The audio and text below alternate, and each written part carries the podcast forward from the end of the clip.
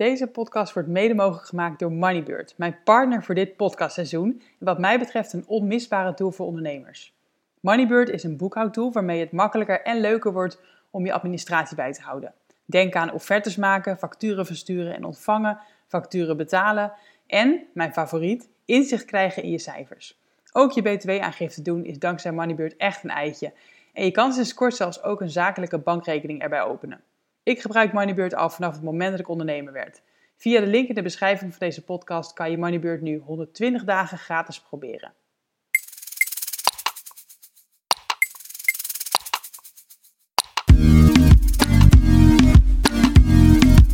Super tof dat je luistert. Welkom bij een nieuwe aflevering van de Vrije Meid podcast. Mijn naam is Suzanne van Duin en ik help jou naar een vrij leven. In deze podcast leer je meer over online ondernemen, persoonlijke ontwikkeling en financiële vrijheid. Benieuwd hoe ik je verder kan helpen? Stuur me vooral een berichtje. Veel luisterplezier vandaag.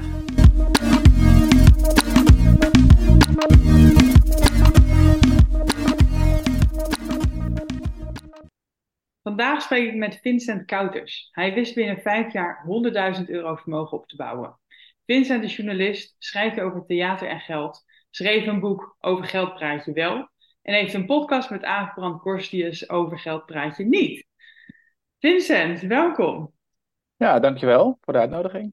Ja, graag gedaan. En wij gaan vandaag wel over geld praten. Zeker. Want waarom vind jij dat belangrijk?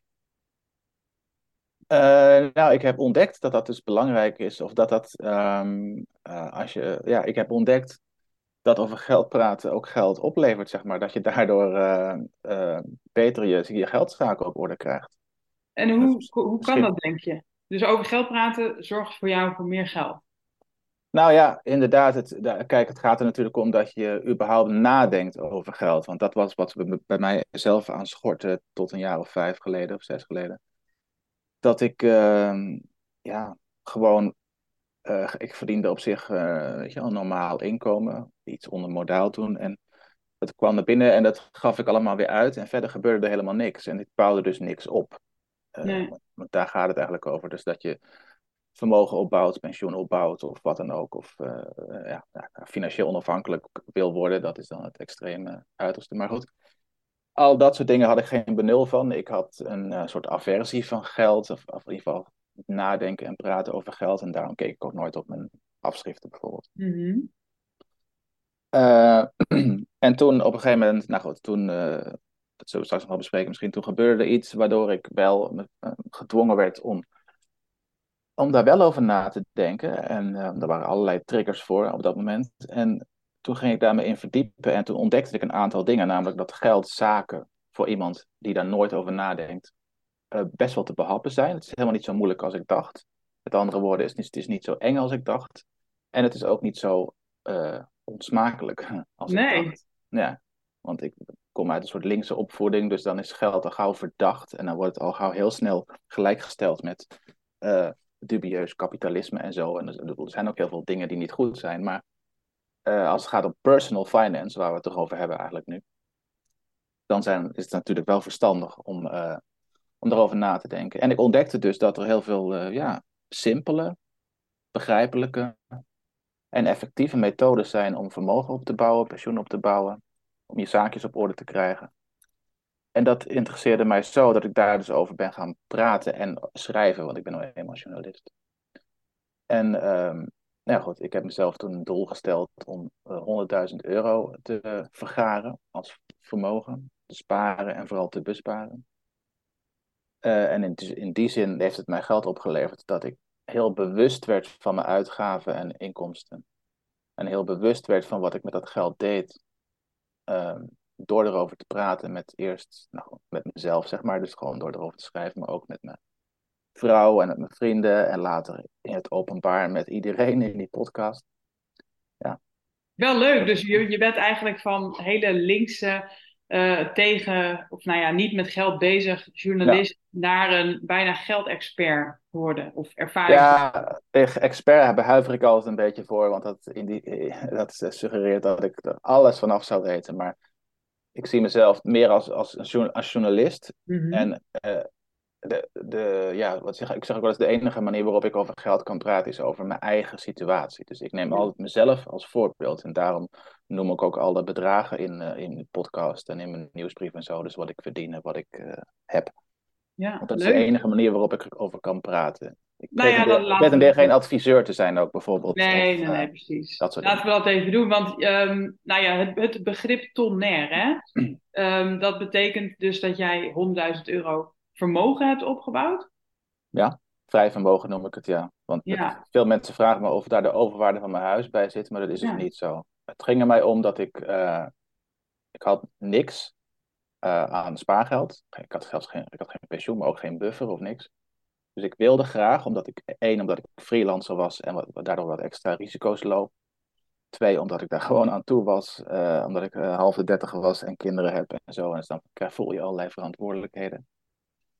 En eh, drie, dat is een andere reden, omdat op een gegeven moment corona uitbrak en ik wel degelijk merkte dat ik op een gegeven moment geen inkomen meer had. En dus echt, echt risico liep. Ja, ja want laten we inderdaad. ehm, wilde ik dat opbouwen.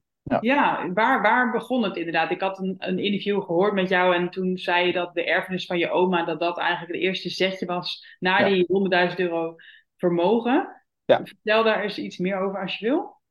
Nou ja, kijk, dus het, het hele traject heeft vijf jaar geduurd. En ehm, dat begon helemaal bij nul eigenlijk.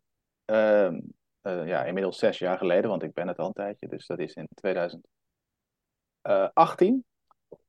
Eh, toen inderdaad mijn oma overleed. Jaar daarvoor eigenlijk al. En die eh, liet wa- wat geld na, uiteraard. Eh, en een deel daarvan, een klein deel daarvan moet ik zeggen, kwam bij mij terecht. Dat was 7000 euro. En toen had ik dus opeens 7000 euro op mijn rekening staan, op een spaarrekening. En toen, ja, dat was voor mij meer spaargeld dan ik ooit, eh, veel meer spaargeld dan ik ooit bij elkaar had gezien. Dus ik dacht, ja, daar moet ik iets mee. Ik bedoel, het was een, dat kwam van mijn oma, er zat een soort, een soort sentimentele waarde aan. Het zat, eh, ik, ik kon dat niet zomaar verkwanselen aan een, een opeens een dure auto. Ja, relatief duur dan. Wel goed op zich, want je was dus gewend om eigenlijk altijd uit te geven wat je had. Ja, nou ja, ik, kijk, ik had natuurlijk niet zoveel. Het is niet zo dat ik heel veel dure spullen had of zo, want ik verdiende, weet ik veel, 2.500 euro per maand of zoiets net, netto. Ik was freelancer, dus nogmaals, dus dat, dat fluctueerde ook sowieso nogal. Maar, ehm, dus ik, sowieso gaf ik niet veel uit, maar wat ik had, gaf ik wel uit. En nu had ik opeens 7000 en toen dacht ik, ja, dit is, was, dat, dat was de allereerste trigger om te gaan bedenken, oh, hier moet ik iets mee. Eh, want, oh ja, wat ook belangrijk was destijds, je, kreeg geen rente op je spaarrekening. Oh Dat was echt 0%. Dus dat vond ik nogal zonde. En eh, dus toen kwam ik al gauw terecht bij beleggen. Dat was eigenlijk mijn allereerste ingeving. Misschien moet ik wel beleggen, maar ik heb hier echt werkelijk geen verstand van. Dus toen ging ik allemaal zoeken, hoe ga je dat dan doen? En toen kwam ik bij websites over die eigenlijk gerelateerd waren aan de FIRE-beweging. Dus Mr. Money Mustache, dat ken je misschien wel. Ja. En eh, de Nederlandse de versie daarvan, eh hoe heet het, Financieel Onafhankelijk Blog. Allemaal dat soort dingen.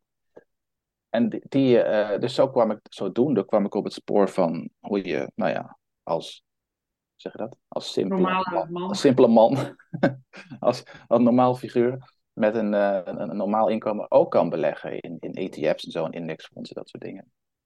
Nou goed, dat was eigenlijk het begin van, ehm, van mijn reis door Geldland. En, en, eh, en, dus, en die 7000 ben ik toen inderdaad voorzichtig gaan beleggen. Maar En kwam toen ook al meteen en een idee van, oh, ik ga hier 100.000 euro van maken. nee, dat kwam dus eh, twee jaar later, toen het eh, 2020 was. Toen had ik van die 7000, die was inmiddels gegroeid naar 30.000. Oh, wauw, allemaal met, met beleggen al. Nee, nee, nee, nee, nee. Ja, ook wel een deel, want het ging toen even heel goed.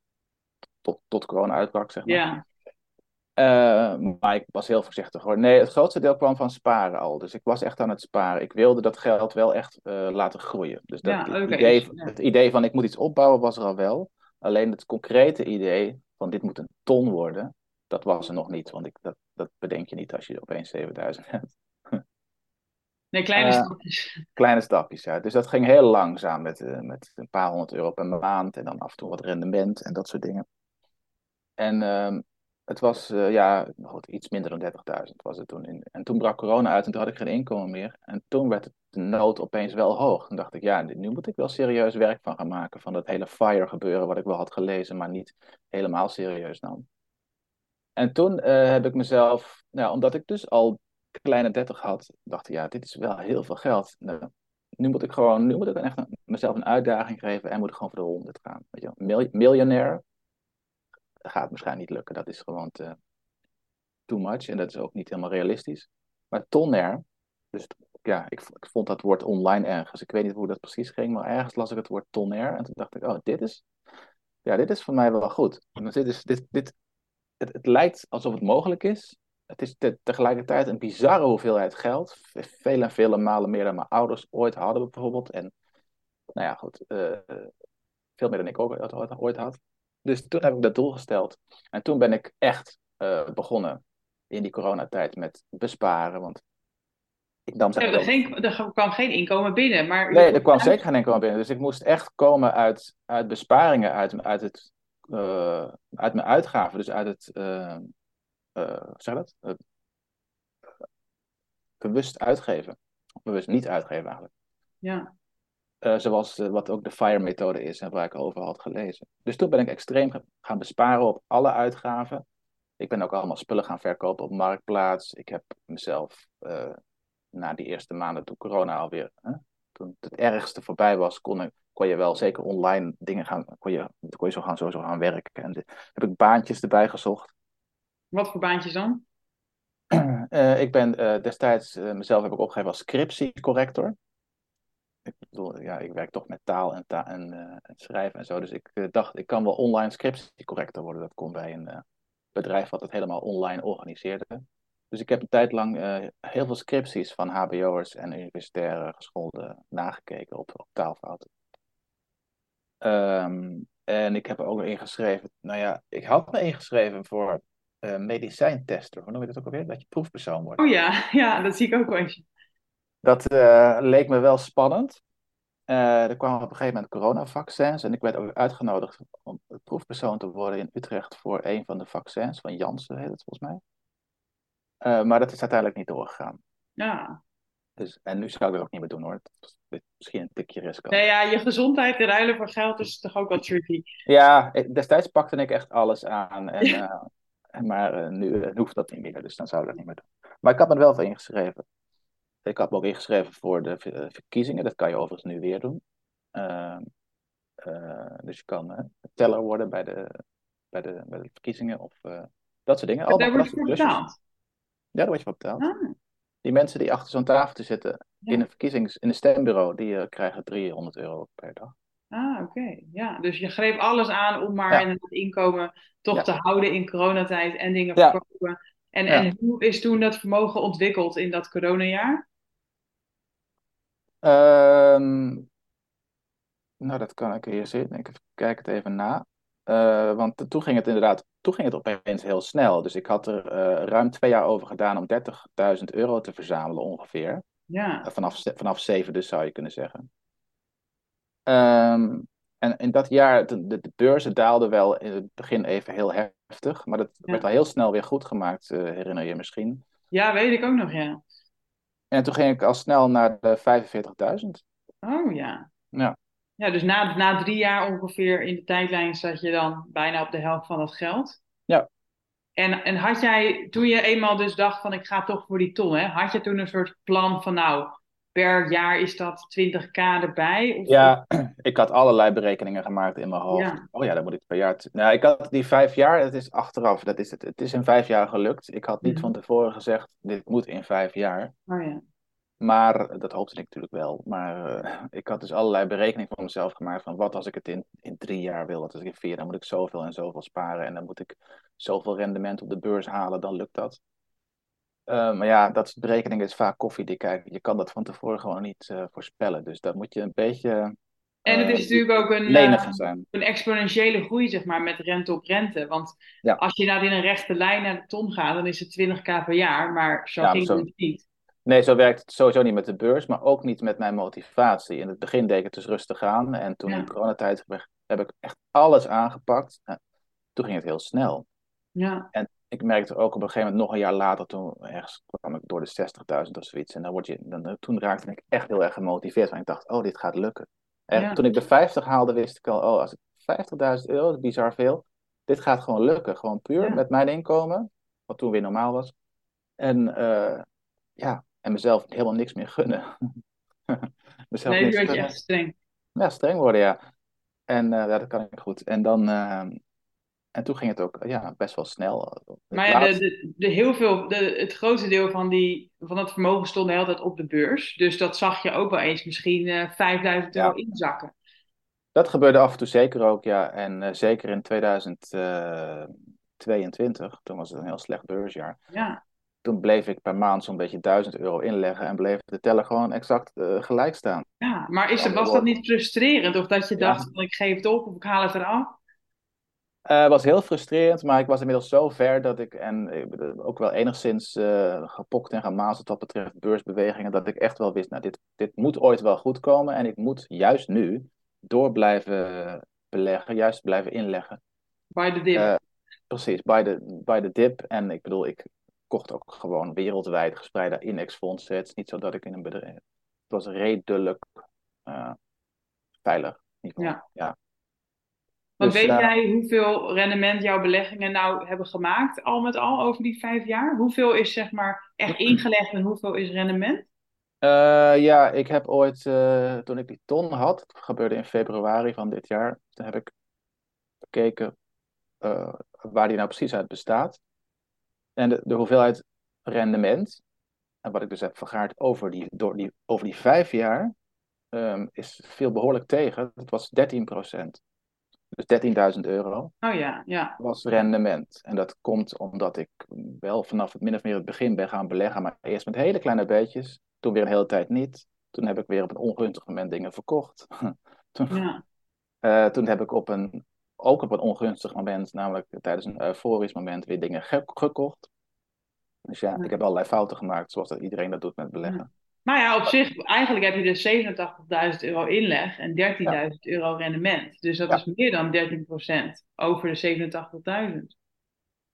Eh, ja, oh ja, sorry. Ja, zo moet het inderdaad. want, klopt. want Ja, je hebt gelijk. 13 13.000 van 87, dat is 15% rendement. Ja, Nou, dat doen weinig mensen hierna.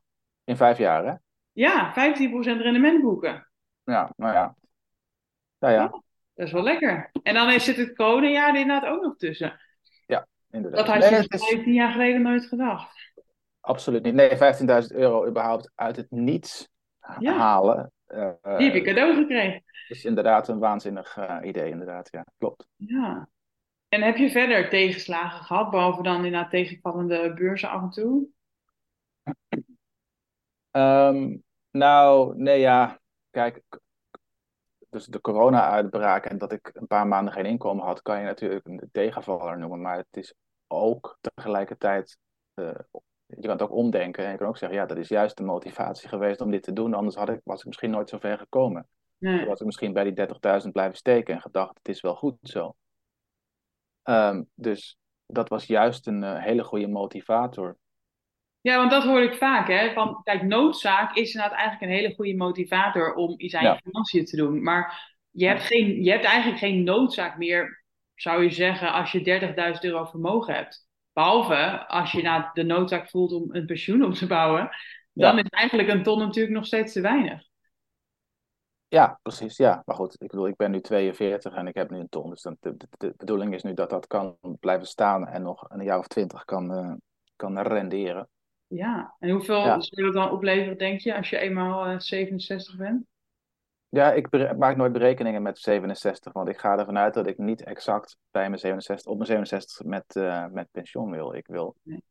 wat, ik, wat, wat mijn doel eigenlijk uiteindelijk is, is dat ik dus die, nou ja, de vrijheid creëer, de financiële vrijheid creëer om zelf te bepalen wanneer ik ga afbouwen met werken of wanneer ik misschien een jaar of zo niet wil werken, weet je wel. Dat ken je wel, dat is dat je Ja, mini-pensioen. hoe meer buffer je hebt of hoe meer, eh, eh, zeg dat, eh, meer eh, kreukelzone noem ik het ook wel eens. Dus met andere woorden vermogen. Hoe, hoe vrijer je bent in je keuzes. Ook welke opdrachten ik aanneem of niet. Kijk. Mensen vragen ook wel eens, stop ik nu met werken? Nee, dat kan natuurlijk niet. Met een ton kan je niet stoppen. nee, dat was maar zo. Maar ik zou misschien kunnen minderen met werken. Eh, en, eh, en- maar goed, dat doe ik ook niet. Zolang, dat, zolang ik mijn werk leuk vind, is dat niet nodig. Ja, Maar het, idee in mijn achterhoofd dat het wel zou kunnen, niet stoppen, maar minderen met werken, maakt het wel dat ik, ehm, ehm, ja, dat geeft een soort vrijheid. Ja. En, en, zelfvertrouwen ook, denk ik eigenlijk zelfs. Dus dat merk ik wel. Waardoor je nu, ja, je maakt toch andere keuzes in je werk. En je, je maakt het niet alleen maar meer voor het geld. Niet dat ik altijd alleen. Nee, je kan nu echt beslissen zonder maar, geld eigenlijk. Ja, precies. Dat, dat element is uh, voor een deel uh, gecoverd. Dus dat maakt dat je inhoudelijkere keuzes kan maken in je werk. Zeker als freelancer. Dus als je echt helemaal zelf moet bepalen wat je, waar je gaat werken en met wie je, met wie je gaat werken. Uh, en dat merk ik is wel echt, uh, dat is het echt wel waard. Ja. ja. dat is mooi. En aan het begin zei je dat inderdaad het effect van met geld omgaan en over geld praten, dat dat ook effect heeft op andere dingen. Dus je bent ook meer gaan verdienen, toch, de laatste jaren? Ja. En, en waar zit dat hem in dan? Hogere prijzen of meer werk of ander soort werk? Uh, meer werk. Ik heb uh, meer werk gehad, dus ik ben. Uh, ja, dat is het, het grappige aan dit verhaal. Is dat is door mezelf. Ik was altijd theaterjournalist. En dat was een vrij, dat is een vrij beperkt gebied. Waar je dan over schrijft, maar ook waar je dan voor kan schrijven. En nu, nu schrijf ik dus ook over geld. Dat heb ik eerst gewoon anoniem zelfs gedaan op een blog. En toen ik uiteindelijk mijn eigen naam bekend maakte, toen, uh, toen was de, de, de, krant waarvoor ik schrijf, de Volkskrant, meteen wel geïnteresseerd. Dus dan kon ik daar ook een, een geldrubriek in, uh, mocht ik uh, schrijven. Leuk. Nog steeds, nog steeds doen.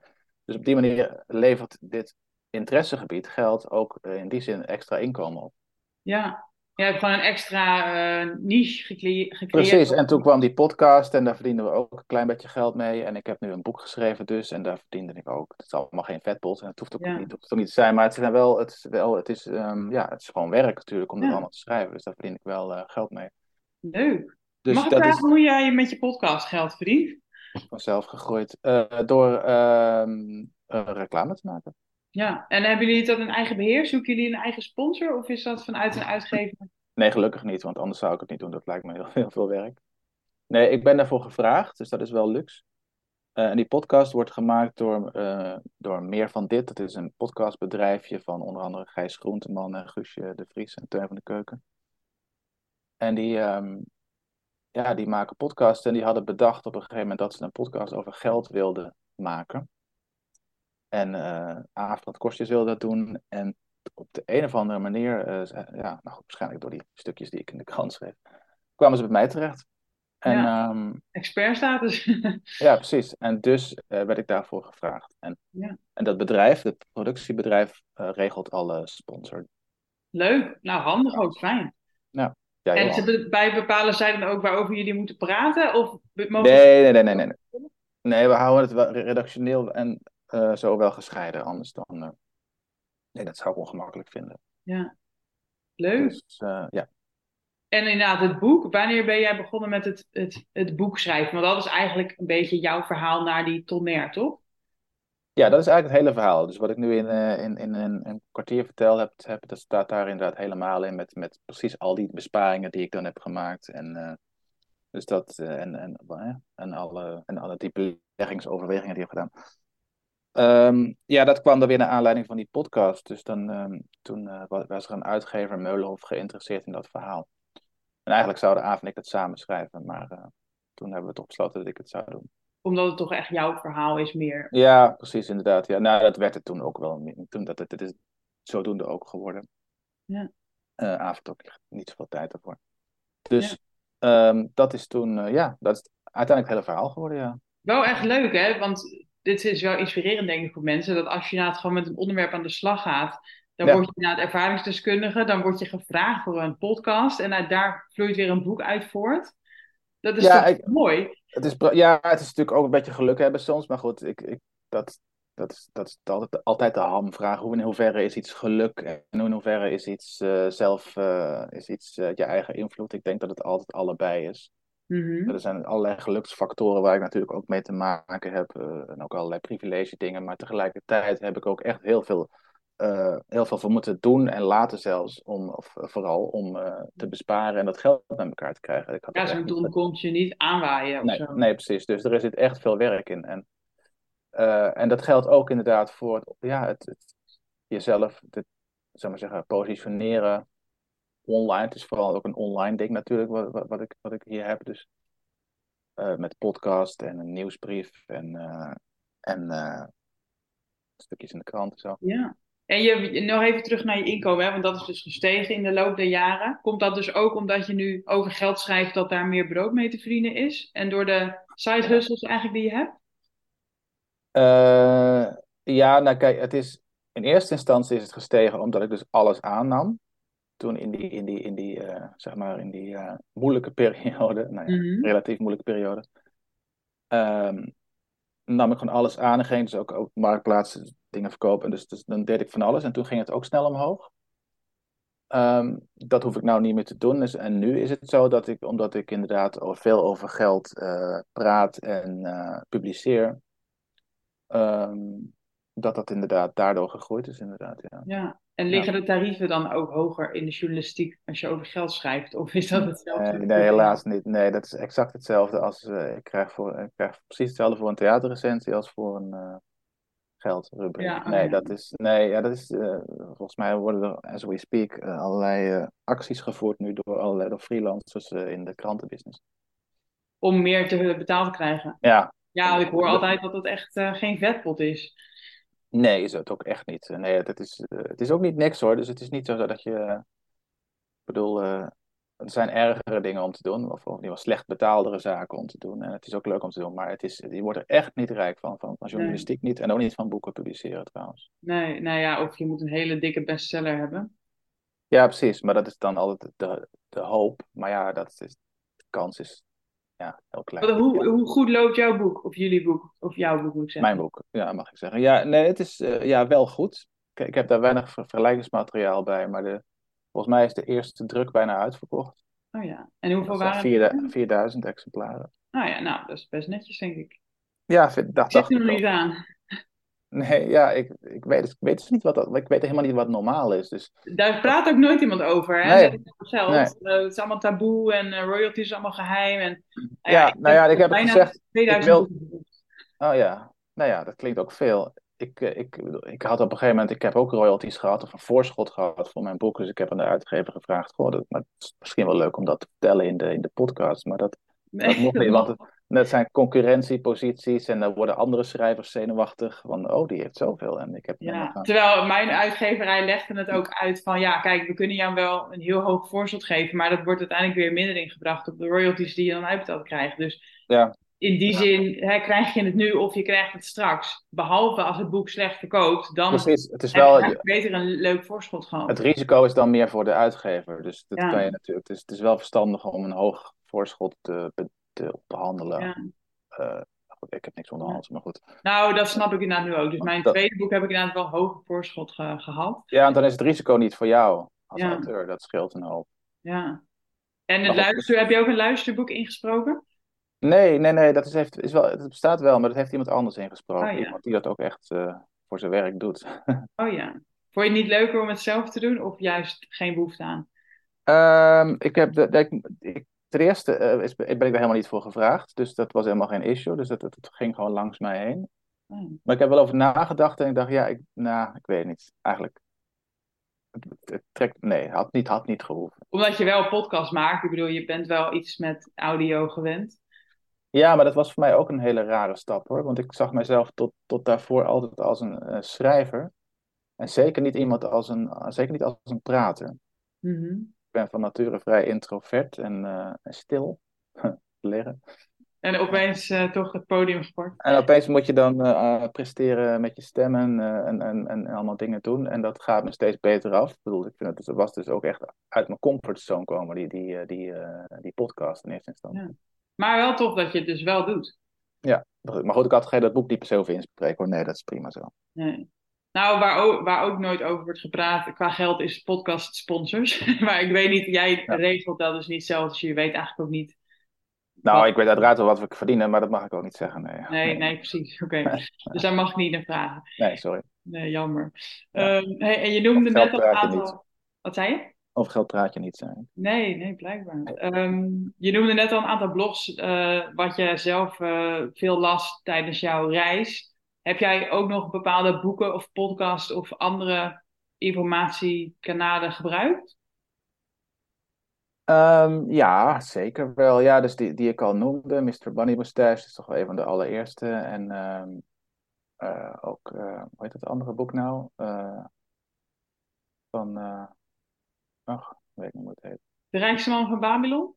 Nee, um, een modern boek. Dat heet Simple Path to Wealth, volgens mij. Simple Path. die ken ik helemaal niet. Het gaat, het gaat ook overleggen. Het is ook Amerikaans trouwens. Dus dat is, kijk, dat is ook wel een dingetje. Er zijn natuurlijk heel veel Amerikaanse, sowieso is er heel veel Amerikaanse zelfhulp. En ook wel zeker op het gebied van geld en, uh, en beleggen en zo. Maar dat, dat is ook prima, maar dat, ja, je moet, het is ook wel handig om eh, vanuit een Nederlands uh, perspectief uh, te kijken naar dingen. Want wij, wij, hebben natuurlijk zaken als AOW en hele andere ziektekosten, weet ik wat. Dus ja.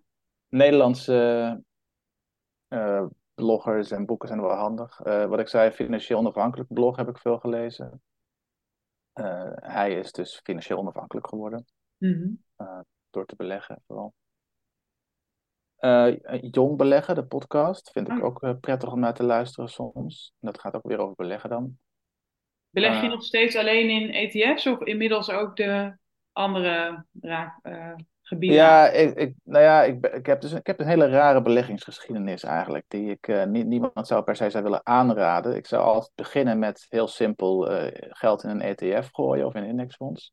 Maar zelf ben ik, omdat ik geen, geen benul had, begonnen met het kopen van losse aandelen. Mijn allereerste aandeel bijvoorbeeld is Ahold. Dat daar mm. toevallig net was geweest voor een zakje worteltjes.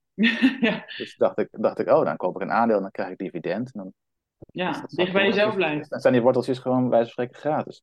Dan, ja. Als ik mede-eigenaar ben van dat bedrijf, dan. Uh, nou goed, dat idee. Dus, um, dus ik kocht eerst. Dus ik ben, ik ben maar wat gaan doen. Dus ik heb inderdaad toen losse aandelen gekocht. Later begreep ik dat het verstandiger is om hè, je geld veel breder te spreiden over de hele markt en in, in ETF's te gaan zitten. Weer later dacht ik op, in, op een moment: oh, ik moet, ik moet heel veel dividend uh, aandelen hebben, want dat, dat had ik ergens gelezen. Dat is ook goed, want dan krijg je gelijk inkomen, dan heb je cashflow. Mm -hmm.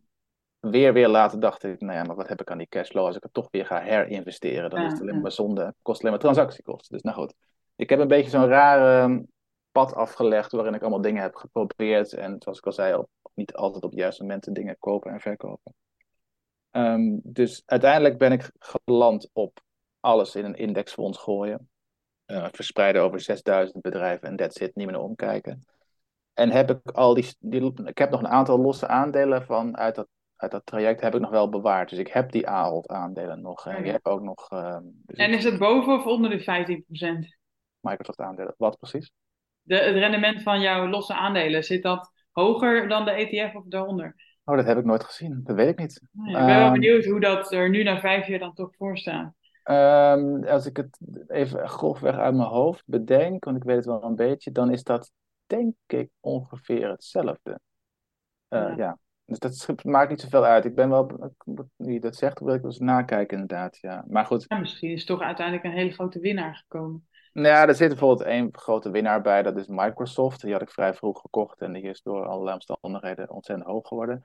En ook één verliezer, dat is eh, Take, Just Eat Takeaway. Oh ja, ja, die is behoorlijk ingegaan. Die staat op min eh 88 procent. Daar had ik gelukkig maar 1500 euro in zitten, maar toch.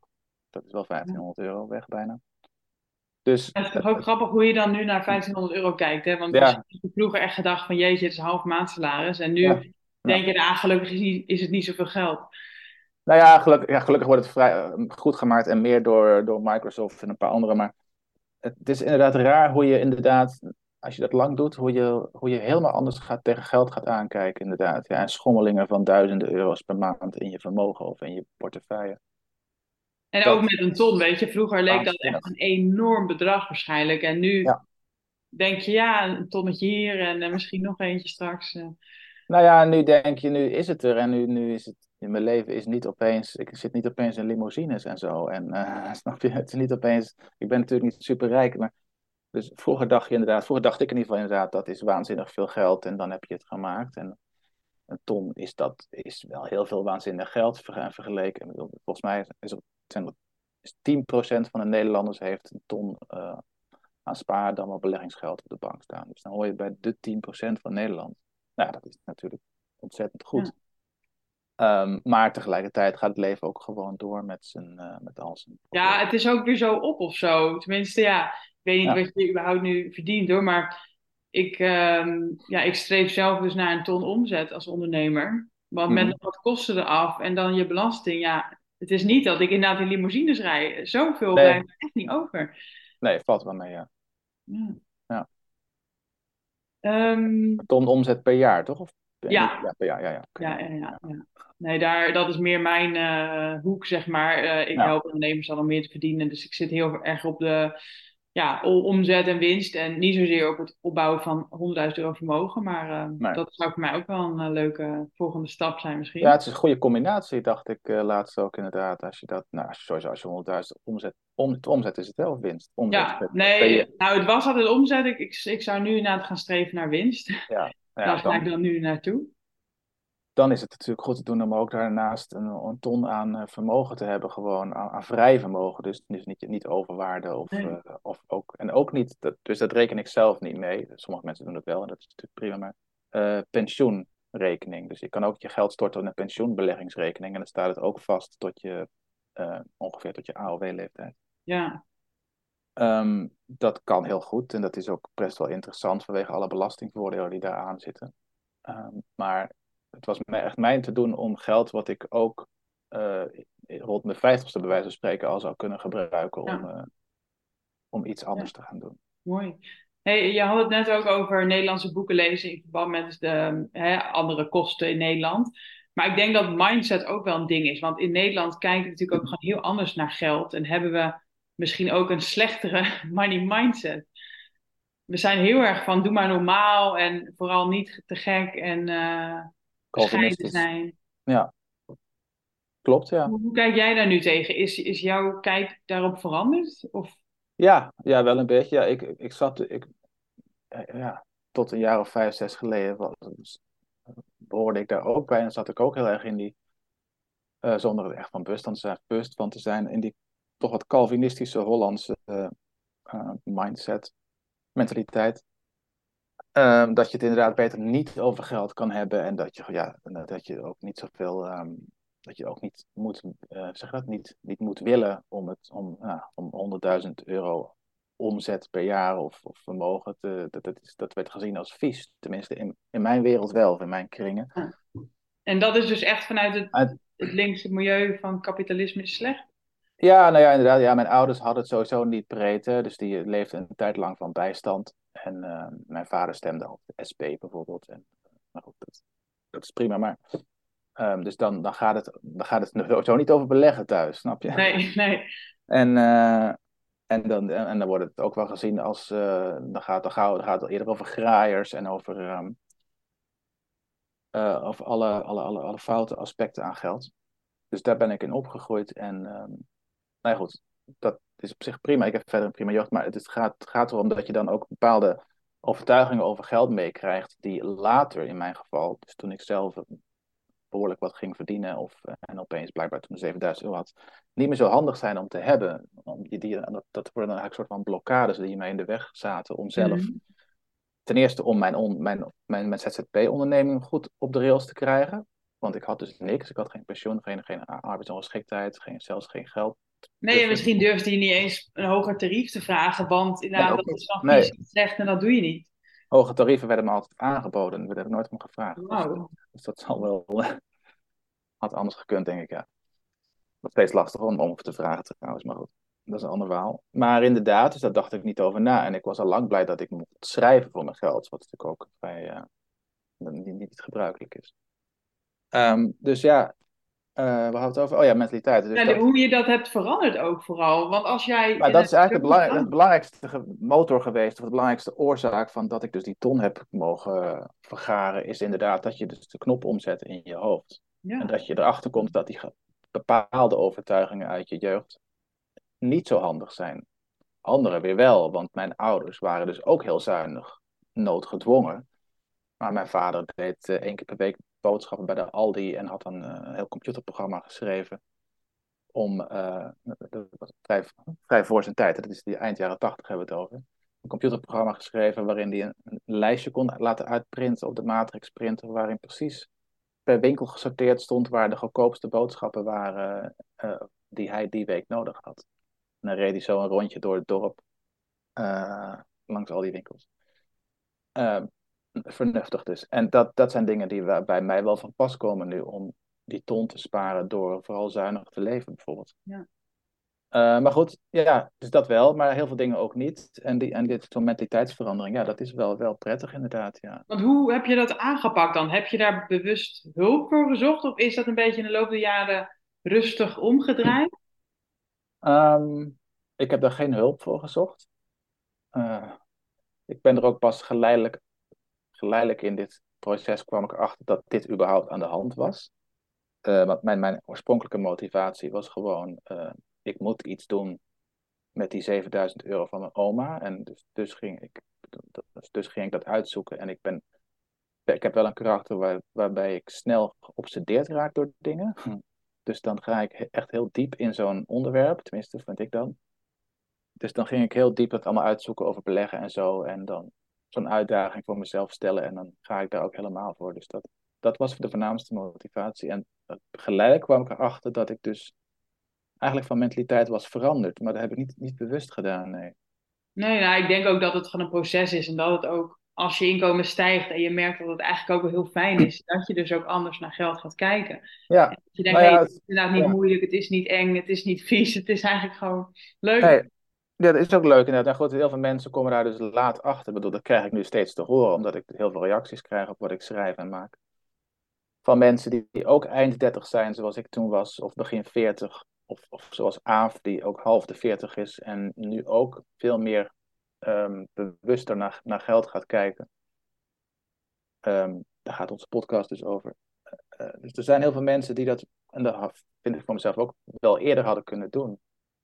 Maar niet weten dat het kan. En dat, dus die mensen hoop ik ook te bereiken op een bepaalde manier te inspireren. Ja, iemand moet het je vertellen. En als je het ja. niet meekrijgt, ja, Wanneer dan? Van wie dan? Dat is het inderdaad. En dat, want op school wordt het ook nooit geleerd. Dat zeg ik ook wel eens. Dus op school krijgen we economie, maar geen personal finance. Het gaat nooit over hoe je, wat een pensioen überhaupt is, of hoe je het opbouwt en waarom het nodig is.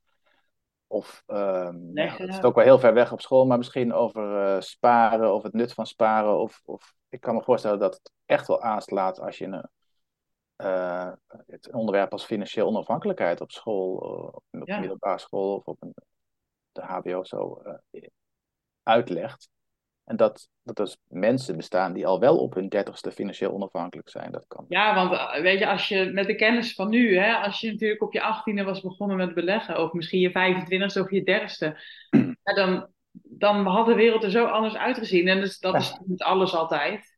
Maar ja. ja, iemand had het je moeten vertellen. Precies, ja. En ik weet niet of ik op mijn twintigste er mentaal helemaal klaar voor was om hier helemaal in te gaan. En ook waarschijnlijk had ik niet het inkomen ervoor om het op deze manier te doen. Maar als je een beginnetje had kunnen maken, had het wel, wel flink wat gescheeld inderdaad. Nou, en ik bedoel, je hebt nog steeds niet een extreem hoog inkomen en toch kan je een ton bij elkaar sparen of beleggen. Ja. Nou. Dus dat vind ik ook wel van een mooie les. Want we denken altijd van, nou, we moeten eerst inderdaad die ton omzet draaien of winst. En dan kunnen we een keertje vermogen opbouwen. Maar je kan het dus ook wel echt wel eerder doen.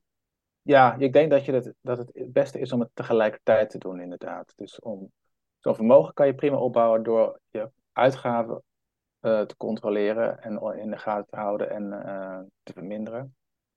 En, en, dat inkomen maakt er niet eens zo heel veel uit. Kijk, je nee. moet wel een soort, je moet wel een basisinkomen, je moet wel iets hebben om van te kunnen leven sowieso. Maar uh, een heel groot deel, dat heb ik vooral geleerd van, van vermogen opbouwen en van sparen sowieso.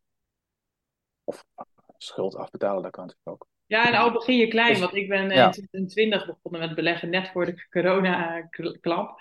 Met 50 euro per maand toen, in het begin. Ja. Omdat ik gewoon dacht, ja, ik heb even niks meer, meer te missen en ik wil ook nog sparen. En, uh, maar ja, het gaat erom dat je wel een beetje vertrouwd raakt met het concept en dat je een beetje snapt hoe het werkt. En, uh, dat is het ook, ja. Dat, dat zo begon ik ook. En dat je gewend raakt aan beursschommelingen en wat het voor effect ja. heeft op je portefeuille en je geld. En hoe je daar, uh, nou ja, idealiter gewoon hoe je dan op je handen moet gaan zitten. Ja. Ja. Hey, en nu we weten dat uh, de invloed van je ouders en hoe je wordt opgevoed met geld, hoe belangrijk dat is. Hè? Hoe doe jij dat met je eigen kinderen?